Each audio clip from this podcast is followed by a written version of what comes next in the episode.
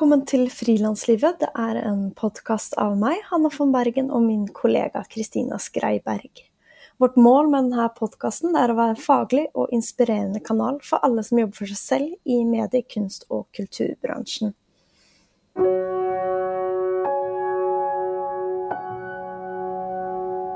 Ukens annonsør det er Frilansfinans. Hvis du som frilanser har behov av å fakturere en kunde, men du ikke har et eget firma, så kan dette være løsningen for deg. Frilansfinans de fakturerer nemlig for deg, og du mottar lønn på konto innen fem dager. Så du blir på en måte ansatt i perioden du bruker eh, frilansfinans. Og det kan være et veldig bra alternativ for deg som ønsker eh, lønnsinntekt, eller ikke orker tanken på regnskap, eller som f.eks. har frilansing som en sideinntekt. Gå inn på frilansfinans.no Lag deg en konto i dag. Det er gratis og helt uforpliktende. Denne episoden den spilles inn over internett, og dagens gjest er professor og psykolog Per Einar Binder. Per Einar han sitter i Bergen, og jeg sitter i Oslo. Per Einar har lenge arbeidet som psykolog, og jobber nå med forskning og undervisning ved Universitetet i Bergen. Han er professor ved Institutt for klinisk psykologi ved Det psykologiske fakultetet. Per Einar har forsket mye på mindfulness, medfølelse og selvmedfølelse. Han har også skrevet flere bøker og artikler om eksistensiell psykologi, om det å finne mening og akseptere det ufullkomne. Så dette gleder jeg meg veldig til å prate mer om. Hei, Per Einar. Veldig hyggelig at du vil stille til intervju. Hei. Når vi spiller inn denne episoden, har Norge vært i en slags eh, lockdown i rundt en måneds tid. Og jeg har selv følt på et spenn av emosjoner den siste tiden. Jeg har følt at jeg kommet til kort, vært usikker på hva jeg vil drive med, bekymret meg for fremtiden og følt på mye usikkerhet. Og midt oppi alt det her så har jeg satt en rekke krav og mål til meg selv med jobb og fritid, og tenkt at uh, nå, nå har jeg plutselig enormt mye tid til rådighet. Nå burde jeg virkelig gjøre alle de tingene som jeg har tenkt på.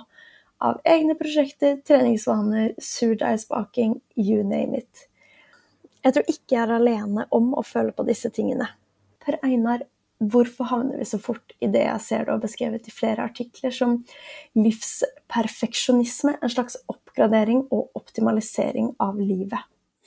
Ja, grunnene til det er jo ganske komplekse. Det henger jo sammen med at vi har et samfunn med mer konkurranse og en verden med mer global konkurranse. Vi har sosiale medier som veldig lett setter oss i sammenligningsmodus opp mot andre. Så det er jo mange grunner til at vi kommer inn i dette her, i tillegg til jo at mennesker til alle tider har hatt en tendens til å sammenligne seg selv med andre. Så det som skjer akkurat nå, er jo òg at ja, denne pandemien, den, den treffer oss også midt i livsperfeksjonismen. Og eh, livsperfeksjonisme, det er jo en tilstand eller en væremåte som vi har kommet inn i, hvor vi sikter mot å ha en strålende karriere, ikke sant, og en utviklende karriere. Det er et av kravene vi setter til oss selv. Gjerne en fritid der vi er i utvikling der også, både kroppslig og, og emosjonelt, og gjerne åndelig også. Og eh, hvis du, ja, hvis du har barn, så vil du gjerne at de òg skal bli over gjennomsnittet og være populære og gjøre framgang på skolen. Og kroppen er blitt et prosjekt på en annen måte enn før. og mange snakker om ungdom i denne forbindelse her, men det er jo blitt en realitet at mange er opptatt av å bevare sommerkroppen til langt ut i 80-årene. Så det er et press i alle kanter av av livet her, så er det òg slik at en helst skal være glad. Det er et statussymbol å ha, en, ha et smil klar når en møter utfordringer. Og eh, ja, en skal ha en god selvfølelse oppå dette her også, så vi har jo en rekke indre krav samtidig. Og denne pakken her, den er jo noe vi har levd inn i. Deler av den, veldig mange av oss. Og ja, så sitter vi her, da, plutselig hjemme og ser for oss at ja, noen jeg snakker med, ser for seg at nå skal de gjøre de helt store prosjektene. Det kan være forskere som plutselig har mer tid, og som da tenker at nå kan det virkelig, virkelig skje stor forskning her, og så, og så kjenner de seg matte. Og så er det ikke så lett likevel, så får de det ikke helt til, og eh, ender opp med å bli ganske så strenge mot seg selv. Så det, der er det noe som skjer nå som er at en pandemi kanskje treffer en mer sånn psykologisk epidemi som vi har stått oppe i en stund. Mm. Hva kan vi gjøre for å bevege oss nærmere det du beskriver som det motsatte, nemlig det ufullkomne liv, og hva legger du i det begrepet? Det ufullkomne livet, det er jo det livet som ja, har en del mer sånn skummetmelkfargede mandager også, og eh, hvor det er en del småfeil rundt oss, hvor det kanskje er litt sånn tannpasta sprut på, på, speilet på badet, hvor eh, alle disse små ufullkommenhetene eh, er der. Og ja, der vi og kan forholde oss til at sånn er også livet. Altså der vi kan forholde oss til at vi ikke alltid er på topp, at vi ikke alltid er strålende, at vi og kan kjenne tristhet akkurat nå.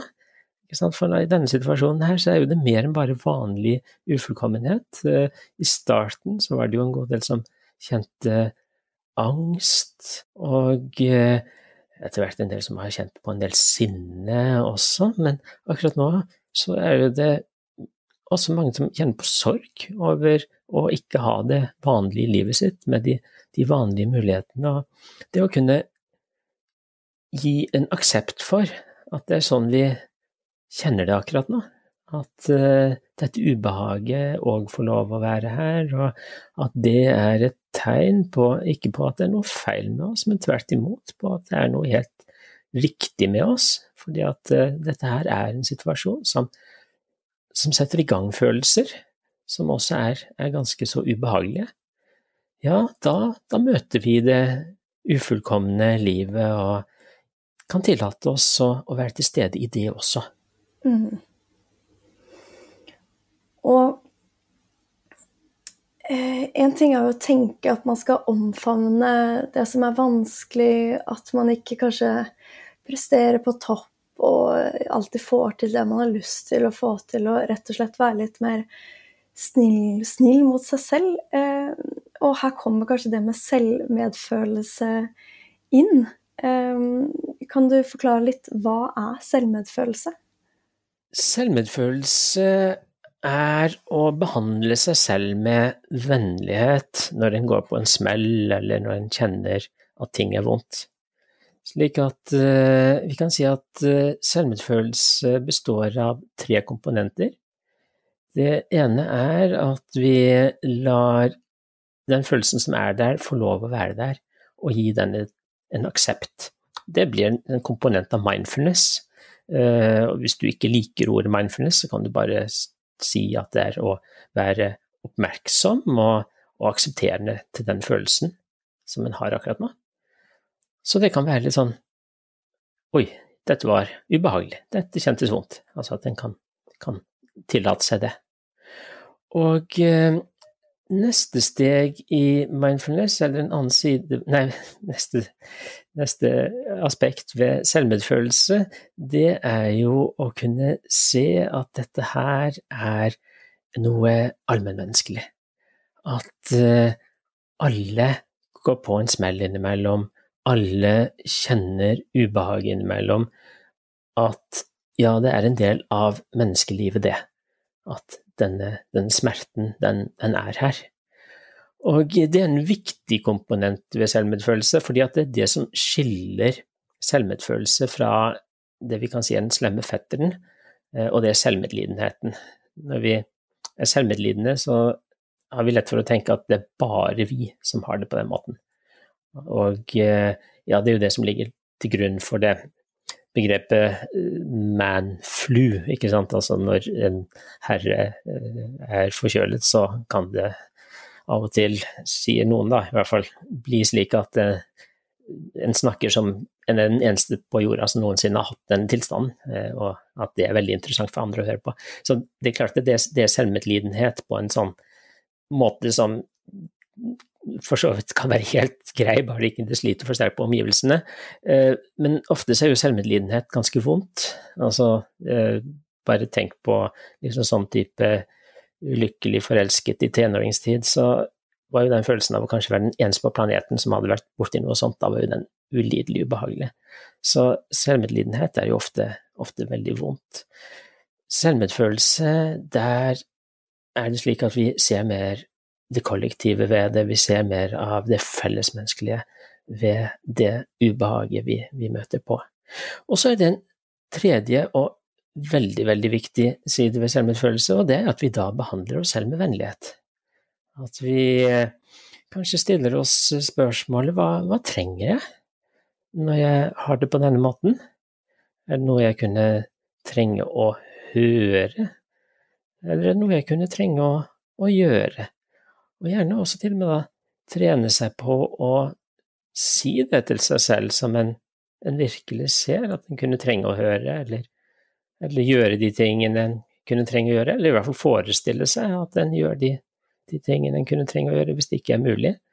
Slik at vi, vi må aktivt arbeide med å behandle oss selv på, på en slik vennlig måte, fordi veldig mange av oss har, har, veldig mye trening med å behandle oss selv på en helt annen måte enn akkurat dette.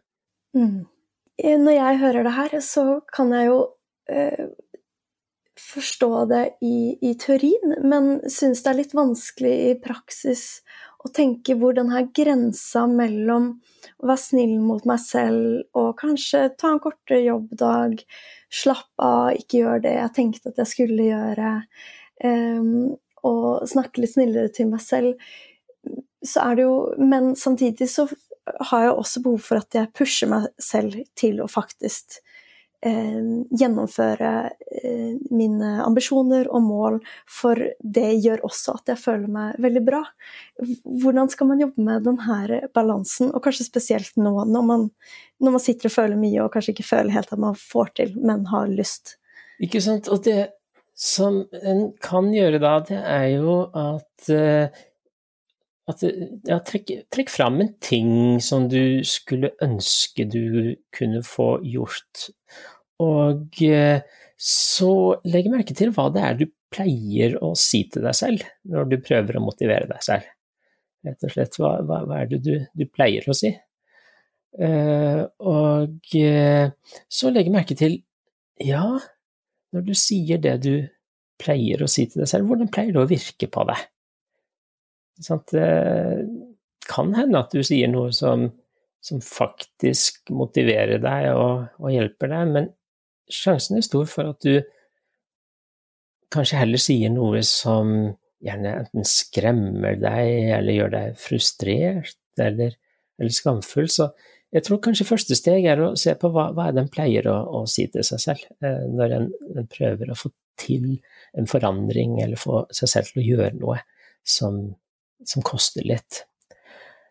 Og eh, så tenker jeg at et eksperiment kan være å se på ja, hva ville en veldig god venn eller en klok lærer, en god mentor, eh, si for å prøve å få deg til denne forandringen, eh, til å gjøre det du, du her har lyst til å gjøre, og si det på en måte som, som virkelig er til hjelp deg. Virkelig kan hjelpe deg. Virkelig kan, kan eh, motivere deg. Og kanskje gi seg litt tid på akkurat det. Altså, hva er det du virkelig trenger å høre når du prøver å få til denne forandringen her? Så um, Og det er kanskje noe litt annet enn det en pleier å si til seg selv. Mm. Ja, jeg tror veldig mange kan kjenne seg igjen, og meg inkludert, med at man kan være um, Man er snillere med andre da, enn man er med seg selv. Man er liksom skarpere og hardere med sin indre stemme. Mm. Det, det, er akkurat det. At uh, hvis vi hadde sagt de tingene til andre som vi pleier å si til oss selv i den type situasjoner, så kan det jo hende at det tynnes litt ut i venneflokken. mm. Mm, og du har jo eh, forska mye på selvmedfølelse. Hva, hva, viser forskningen at økt selvmedfølelse kan lede til? Blant annet det at en prokastinerer mindre. Og det kan høres litt pussig ut, ikke sant? for veldig mange får den innskytelsen når de hører om selvmedfølelse, at da blir jo jeg en sofapotet. Altså, da blir jeg snill med meg selv på den måten at jeg ikke eh, kommer til å gjøre noen ting. Eh, men det som en faktisk ser, er at eh, prokastinering handler jo veldig mye om å prøve å unngå ubehag.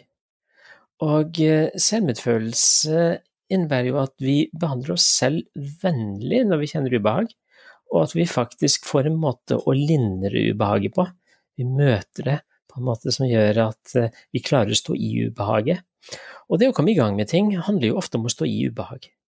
Slik at eh, et eksempel er jo òg med, med, Jeg har jobbet mye med studenter, og, og veldig mange av de med, har jo eksamensangst. Og eh, når de prøver å skremme seg selv til å lese at eh, hvis jeg ikke leser nå, så stryker jeg, og når jeg stryker, så dumper jeg kull, ikke sant, og så blir jeg en, en raring fra andre kullet, og så får du liksom sånn lang sånn katastrofehistorie eh, rundt dette her. Og eh, det vekker såpass mye ubehag at resultatet blir veldig fort at en heller lar være å lese. Altså, eller at en leser, men gjør det på en måte hvor en kanskje er såpass skremt at en ikke får, får jobbet ordentlig med stoffet. Så det å behandle seg selv vennlig i de situasjonene der, ja, det, det funker faktisk. Og en annen side ved det er at en ser at uh, studenter med høy selvmedfølelse takler tilbakemeldinger bedre. Og det er jo felles med, med veldig, veldig mange andre typer situasjoner der en, en, produserer noe, en får en tilbakemelding, og hvis en har laget en avtale med seg selv om at ja, uansett hva jeg får høre nå, så skal jeg behandle meg selv vennlig. Altså uansett hva jeg får høre ja, så er det mye lettere å også ta imot en, en kritisk tilbakemelding. Så det er en rekke ulike effekter her som, som er veldig nyttig når en, en, arbeider På en måte der en, en må prestere en del. I tillegg så er det en god del andre bonuser her. Vi hadde jo blant annet sånn angst- og depresjonsmål inne i en studie vi hadde. Der hadde vi et sånt intensivt kurs i selvmedfølelse, det var bare tre samlinger. Og eh, der, det var helt vanlige studenter som deltok. Eh, men så hadde vi inne angst- og depresjonsmål, bare for å, å se sant, om, om, det kunne være endringer på de målene òg. For selv med helt vanlige studenter så ville jo det være noe score på angst og depresjon. Og det så vi at det var. At folk eh, kjente seg noe mindre engstelige og noe mindre deppa. Og flere også opplevde å kjenne klarere retning i livet. Altså dette, dette vil jeg. Og det handler igjen om at selvmedfølelse, tenker jeg, er å jobbe også med indre motivasjon. Altså at vi, vi, vi blir mindre opptatt av de rent ytre kravene Eh, og mer opptatt av hva det er vi, vi virkelig vil. Og det er jo en, et, et, veldig, veldig vesentlig eksistensielt tema også. Hvordan skiller selvmedfølelse seg fra selvfølelse eller selvtillit? Selvfølelse handler jo om å kjenne seg verdifull, og tenke på seg selv som en, en verdifull person. Så det har jo med følelse av, av egenverd å gjøre. Uh, og uh, selvtillit, det handler jo også mye om, om, mestringsforventning, altså at en tenker at en skal få, få, til noe. Så når det gjelder selvfølelse, så er det slik at har du en god selvmedfølelse, så har du ofte en, også en bra implisitt selvfølelse, altså at du, du kjenner egenverd. Men du trenger ikke å fortelle deg selv at du er flott og fantastisk og disse tingene her. Slik at du, du har gjerne ikke nødvendigvis en så veldig sterk uttrykt selvfølelse. Så for det som er et problem med selvfølelsesbegrepet, sånn som jeg ser det, så er det det at hvis vi prøver å øke selvfølelsen vår, så kan vi komme galt av sted. Det har vi en del forskning på også, at da står du i risiko for å faktisk prøve å bli bedre enn andre. Altså du kan bli konkurrerende Eh, og eh, det viser seg òg at det er et visst overlapp mellom narsissistiske trekk og høy selvfølelse. Og der vil vi jo ikke. Så eh, hvis du jobber med selvmedfølelse i stedet, så, så betyr det jo at du heller ja, behandler deg selv på en respektfull og vennlig måte. Og, og derfor og kjenner egenverdi. Så jeg tenker det er, en, en vei til selvfølelse, det òg. Eh, men den går utenom det å måtte eh, trekke fram hvor bra en er, rett og slett.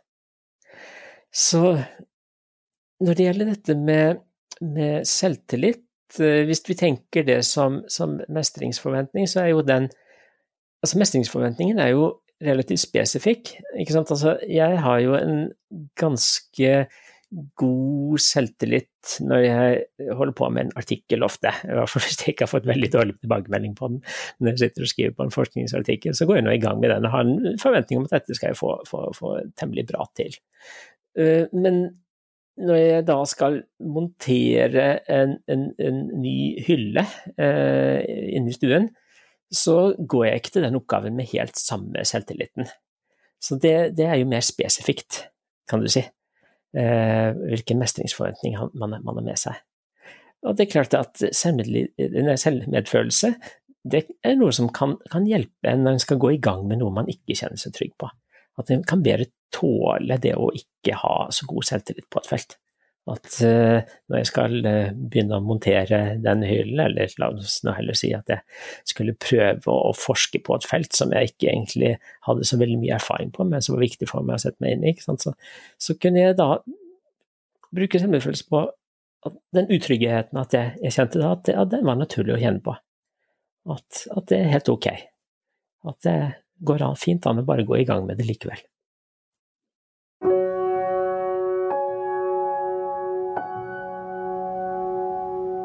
Ukens annonsør er regnskapsprogrammet Fiken. Jeg har brukt fiken i mange år nå, lenge før denne podkasten, og grunnen til at jeg bruker fiken, er fordi det er en veldig enkel måte å føre sitt regnskap på. Nå er det jo tid for næringsoppgave, og det er jo en ganske slitsom oppgave for de fleste av oss frilansere, men Fiken har gjort det veldig enkelt, så man går inn, de samler alle tallene som du har lagt inn, og de guider deg steg for steg gjennom oppgaven. Og så kan du sende det direkte via fiken til Altinn, og gå inn der og godkjenne. Det er enkelt, og det er deilig. Så takk, fiken. Du kan prøve gratis i 30 dager på fiken.no. Hvordan kan man øve på å bedre sin egen selvfølelse? Eller selvmedfølelse? Hvis du vil, så kan vi gjøre en liten øvelse. En, eh, noe som vi kaller en selvmedfølelsespause. Ok. Skal vi gjøre det? Skal vi se hvordan det går? Det kan vi prøve på. Ja. Absolutt. For uh, da går det an at du forestiller deg en situasjon uh, som du har vært oppe i siste tiden, som har vært ubehagelig for deg. Altså en situasjon hvor du ikke hadde det så greit, at noe ble vanskelig. Og uh, hvis det har vært en ekstremt vanskelig situasjon, liksom den vondeste situasjonen i ditt liv, så kanskje ikke ta den akkurat nå, men ta en situasjon der du ville merke at dette her var ubehagelig, eh, men samtidig noenlunde innenfor det håndterbare. Og så kan du la den situasjonen, den ubehagelige situasjonen, tre fram for deg. At du kan forestille deg ja, hvor du er, og hva det er for noe som, som skjer, og så kan du legge merke til hvilken følelse som er der, og eh, hvordan den følelsen kjennes i kroppen. Legge merke til det, hvordan, hvordan den følelsen kjennes i kroppen. Og eh, gjerne også benevne for deg selv at oi, dette var ubehagelig. Uff, dette var vondt. Bare gi noen ord til deg selv på hvordan dette kjennes. Dette var tøft. Dette var ikke godt. Og så går det an å legge en hånd eller begge hender der hvor hjertet er, for å gi deg selv en påminning om vennlighet med deg selv.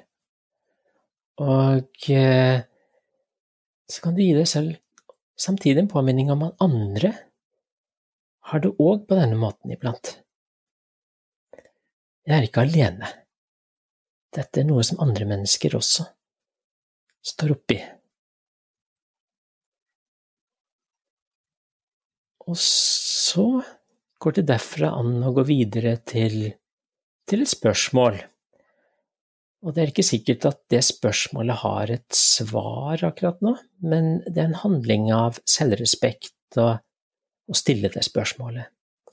Og det er ja, hva trenger jeg når jeg har det på den måten? Hva trenger jeg? Er det noe jeg kunne trenge å høre? Eller er det noe jeg kunne trenge å, å gjøre? Og så kan du forestille deg at du sier til deg selv det du kunne trenge å høre, eller at du forestiller deg at du gjør det du kunne trenge å gjøre. Og så kan du legge merke til ja, hvordan, hvordan kjennes kroppen nå? Gi deg selv et par pust. Og eh, hvis du hadde øynene lukket, så går det an å åpne dem igjen, så har du gjort en liten selvmedfølelsesøvelse, det vi kaller en selvmedfølelsespause. Mm. Det var veldig fint. Jeg håper at uh, dere lyttere ble med på den øvelsen også. Uh, jeg har lest litt forskjellige artikler og der kom jeg over noe jeg syns eh, var spennende, hvor du sier at, eh, vi, at du misliker begrepet å bli den beste versjonen av seg selv. Hvorfor bør vi ikke strebe etter å bli det? Det er ofte slik at når vi har et sånt bilde av den beste versjonen av oss selv, så er det et, et veldig sånn idealisert bilde. Og eh, veldig ofte så er òg det et bilde som ikke egentlig kommer innenfra oss selv, men som handler om idealer vi har fått eh, med oss utenfra, og som er veldig mye av tidens idealer. Og eh, det er en side ved det, og den andre side ved det er at vi òg har et sånt press på oss på å være i konstant utvikling. Altså at vi, vi, vi skal på en måte hele tiden være i en eller annen form for selvforbedring. Og da er jo premisset at vi er At det er noe i, i, veien med oss, at det er noe som bør forbedres. Og eh, når vi blir så opptatt av, av selvforbedring som vi blir nå, eh, så kommer vi inn i en sånn, nesten litt sånn transetilstand. Der eh, vi hele tiden prøver å oppdra oss selv, der vi hele tiden prøver å ja, lage en litt bedre utgave av oss selv. Og eh, jeg tenker at det kan hindre oss i å være ordentlig til stede i livet, rett og slett. At det er en fare ved det. Og at vi da trenger å kunne være til stede med våre ufullkommenheter også. Selvsagt, det er ikke de vi skal dyrke heller, men vi trenger å kunne møte dem, gi dem en, en aksept, møte dem med, med vennlighet. I en artikkel i Aftenposten i 2016 skriver du at det ligger også frihet i å tillate seg å være jevnbyrdig med milliarder av andre relativt vanlige mennesker. Hvorfor er det så skummelt å sikte på det å være vanlig? Det er en veldig pussig ting at det er blitt så skummelt å, å være vanlig, for vi er jo en art som elsker å være likeverdige. Altså, vi er veldig, veldig egalitære eh, som, eh, som art. Og eh, det er i grunnen da vi slapper av og trives og blomstrer. Samtidig så er jo det slik at vi alltid òg vil sammenligne oss med andre. Og det er klart at det har jo også en sånn evolusjonær side, at eh, det å være godt likt og populær, det har jo også gitt tilgang til ressurser. Altså, det, det, det, er en grunn for at vi òg er opptatt av status. Så det som har skjedd nå, det er jo at vi har fått en perfeksjonismebølge. Og det var lenge sånn at jeg lurte litt på er dette bare noe som psykologer og journalister er opptatt av, altså, sånn, altså ikke sånn kliniske psykologer og journalister, for det var, var de som snakket mest om det først. Og jeg er jo forsker også, og, og, fant ikke så mye på det. Før nå så ser jeg det at uh, nå begynner det virkelig å komme forskning på dette her også. Og det har vært gjort forskning en stund som man kan sette i sammenheng med dette her, at det er sant. Uh, folk er blitt mer perfeksjonistiske. Og det har vært en økning i perfeksjonistiske tendenser hos unge mennesker egentlig helt tilbake fra, fra slutten av 80-tallet. Eh, så har det gradvis økt på. Og da er det tre former for perfeksjonisme vi snakker om. Det ene er å ha høye standarder til seg selv og presse seg selv, altså for nå snakker vi om negativ perfeksjonisme. Og Da, da, har man gjerne urealistiske høye standarder til seg selv og presser seg selv opp mot dem. Eh, en opplever perfeksjonistiske krav fra andre, at den andre stiller veldig høye krav til en, at det kommer store krav fra omgivelsene. Og en har gjerne en tendens til å stille ganske høye krav til andre også. Altså, så det blir jo en sirkel ut av det. De kravene vi, og forventningene vi har til andre, det blir jo deres indre krav etter hvert. Så det har bredd om seg i, i samfunnet og, og, økt på. Og eh, det er problematisk. For eh, når en er i negativ perfeksjonisme, så kjefter en en god del på seg selv, presser seg selv en god del, og eh, har lite mulighet til å være helt til stede i hverdagen. Fordi at en blir hele tiden opptatt av forbedringer. Og det gir en risiko for mye grubling, selvfølgelig, og, og, og, negative følelser, men også en litt sånn eksistensiell risiko. At når vi blir så opptatt av å være best, så er det gjerne noen ytre idealer som styrer oss. Slik at vi får kanskje ikke helt stilt spørsmålet hva er det for noe som er, er viktig i mitt liv, da?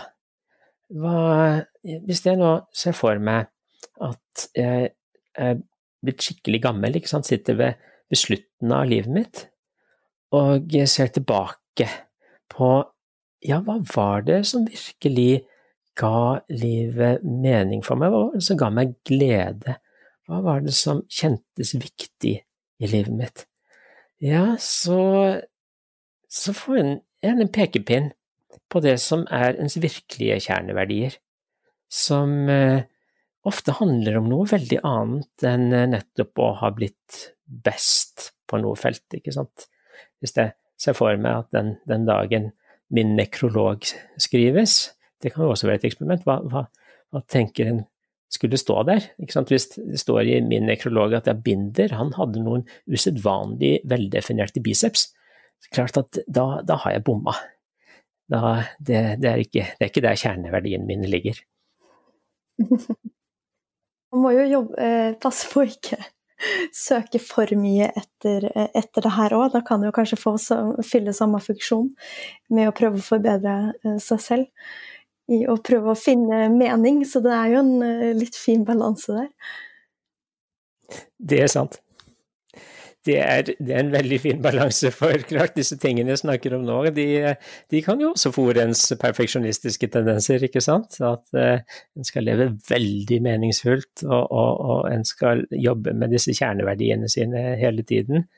Og uh, det er jo en annen side ved det, og at eh, i livet ellers så er jo det at vi lever liv der ikke mening at de har stor M, men, men også veldig mye har, har, liten M. Og det betyr jo at vi finner mening i å rusle av sted til jobben, eller løpe av sted til jobben hvis det er det man holder på med, og i, i, i kaffekoppen om morgenen og i når naboens hund plutselig er glad for å se deg og alle disse tingene her. Altså, det er jo denne hverdagsmeningen vi skal tillate oss selv å leve i også.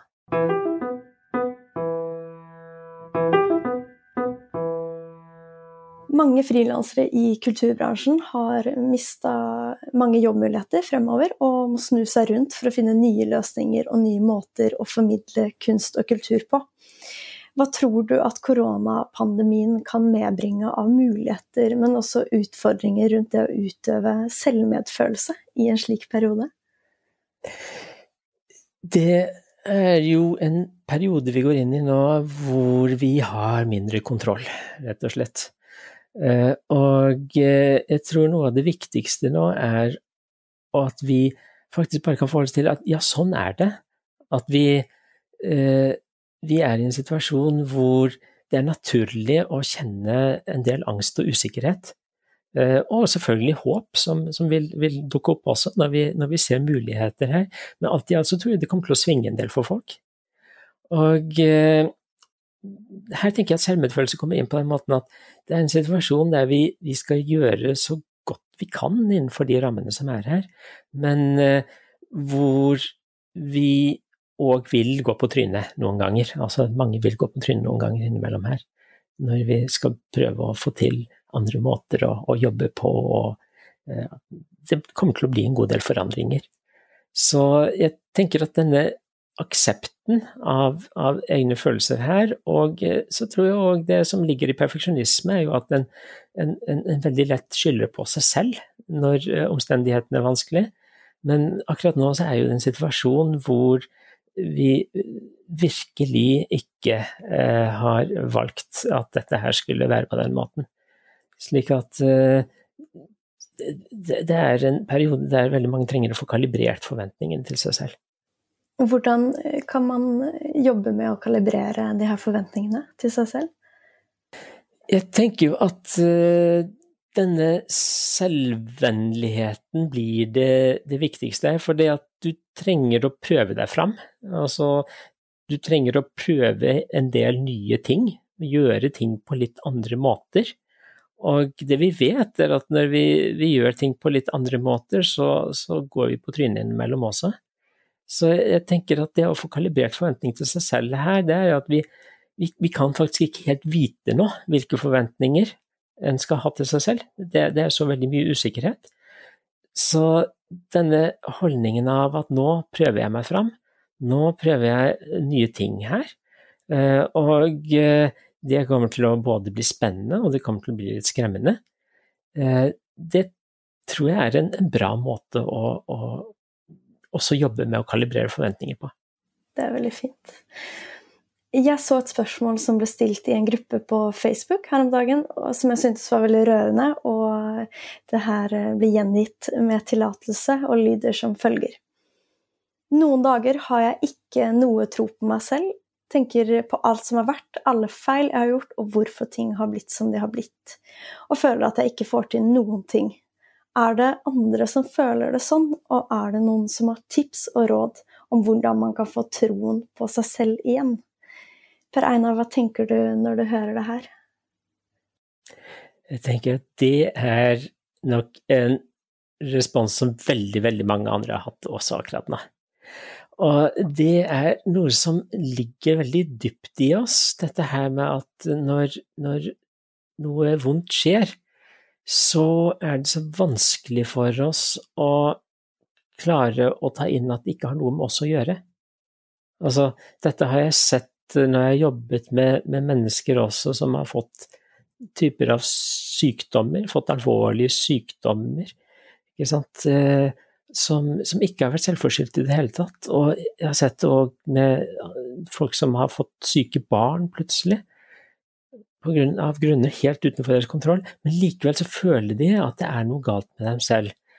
Og eh, det er noe vi trenger å jobbe med nå, det er det at uflaks, fin, uflaks fins. Og eh, nå er vi virkelig rammet av stor uflaks, og veldig mange vil oppleve at uflaksen ja, den har slått ned akkurat hvor de befinner seg. Og det, det er tøft å ta inn. Men eh, samtidig så er det så ekstremt viktig å ta inn eh, akkurat nå. Og nettopp få sett den, den, den, kollektive siden ved dette, det allmenne, ved at vi, vi nå er vi rammet, eh, hele gjengen her.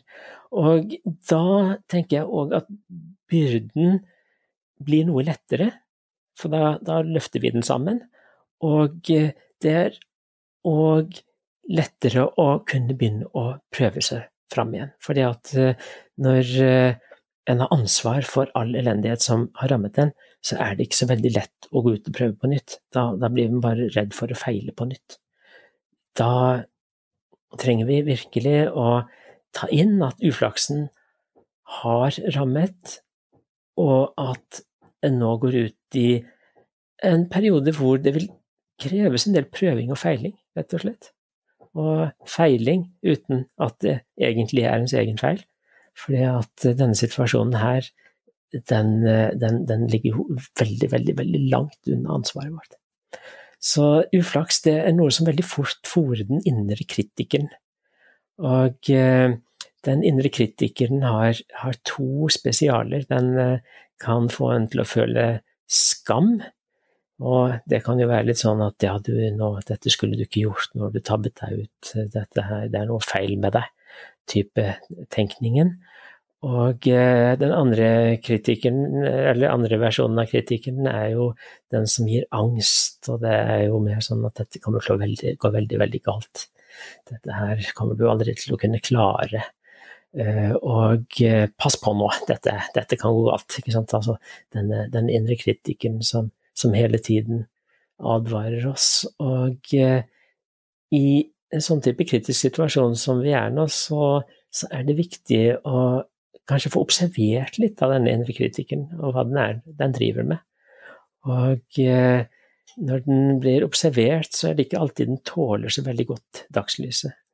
Og når vi observerer den, så kan vi òg spørre oss ja, hva, hva, er det vi, vi trenger å, å, høre akkurat nå, for å kunne ta stegene ut i verden og prøve å feile og få noe til, og få andre ting ikke så godt til. Per Einar, du har jo utøvet mindfulness og også forska på det her, og brukt det mye i din praksis. Eh, jeg skulle gjerne ha prata veldig lenge om det, men det rekker vi dessverre ikke. Men kunne du beskrevet kort for lytterne hva mindfulness er, og litt hva det kan bidra med? Ja, mindfulness det handler jo om å være oppmerksom og til stede akkurat nå med det som måtte være her. Både det som er behagelig og det som er, er ubehagelig, og, og, møte det som er med, med vennlighet. Så mindfulness og selvmedfølelse henger i grunnen veldig godt sammen kan si at eh, selvmedfølelse, det er vennlighet med den som opplever ting, nemlig deg. Eh, mindfulness, det er vennlighet med opplevelsen. Altså at du møter ditt eget din egen frustrasjon, din egen angst, din egen ja, glede for den saks skyld, men møter, møter det som dukker opp i deg med, med, med vennlighet. Og, eh, og altså med oppmerksom tilstedeværelse. Oppmerksom tilstedeværelse er jo noe vi kanskje først og fremst får når vi kobler oss på sansning. Så en viktig side ved mindfulness er jo å koble seg på sansning her og nå. Det kan være sånn som man gjør i en, en meditasjon, at en, en, kjenner pusten, og, altså den helt vanlige pusten sin når, når den går inn og ut. Eh, men det kan òg være å kjenne sansning når en spiser, når en kjenner føttene under underlaget. Jeg tenker at i en sånn tid som dette her, så er mindfulness viktig. For det at uh, vi sitter mye foran skjerm. Uh, vi har sosialt liv foran skjerm, veldig mange.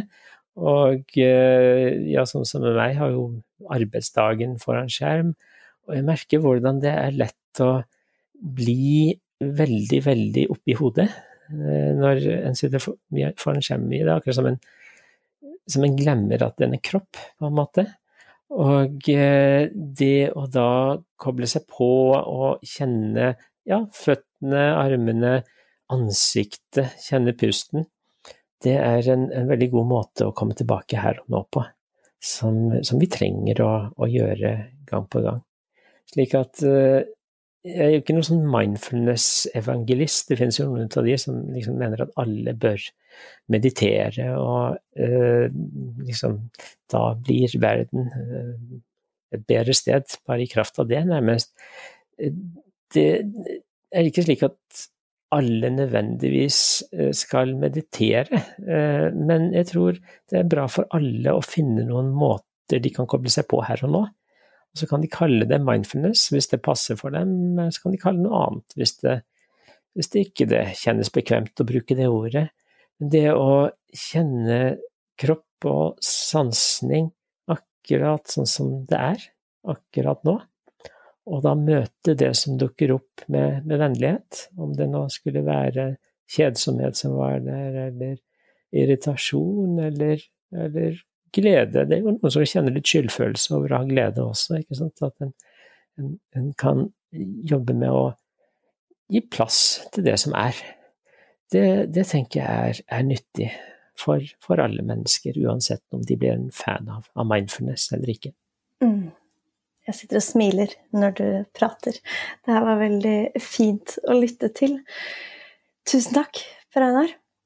Takk for det. Det var hyggelig. Så da sier vi bare ha det bra. Ha det bra.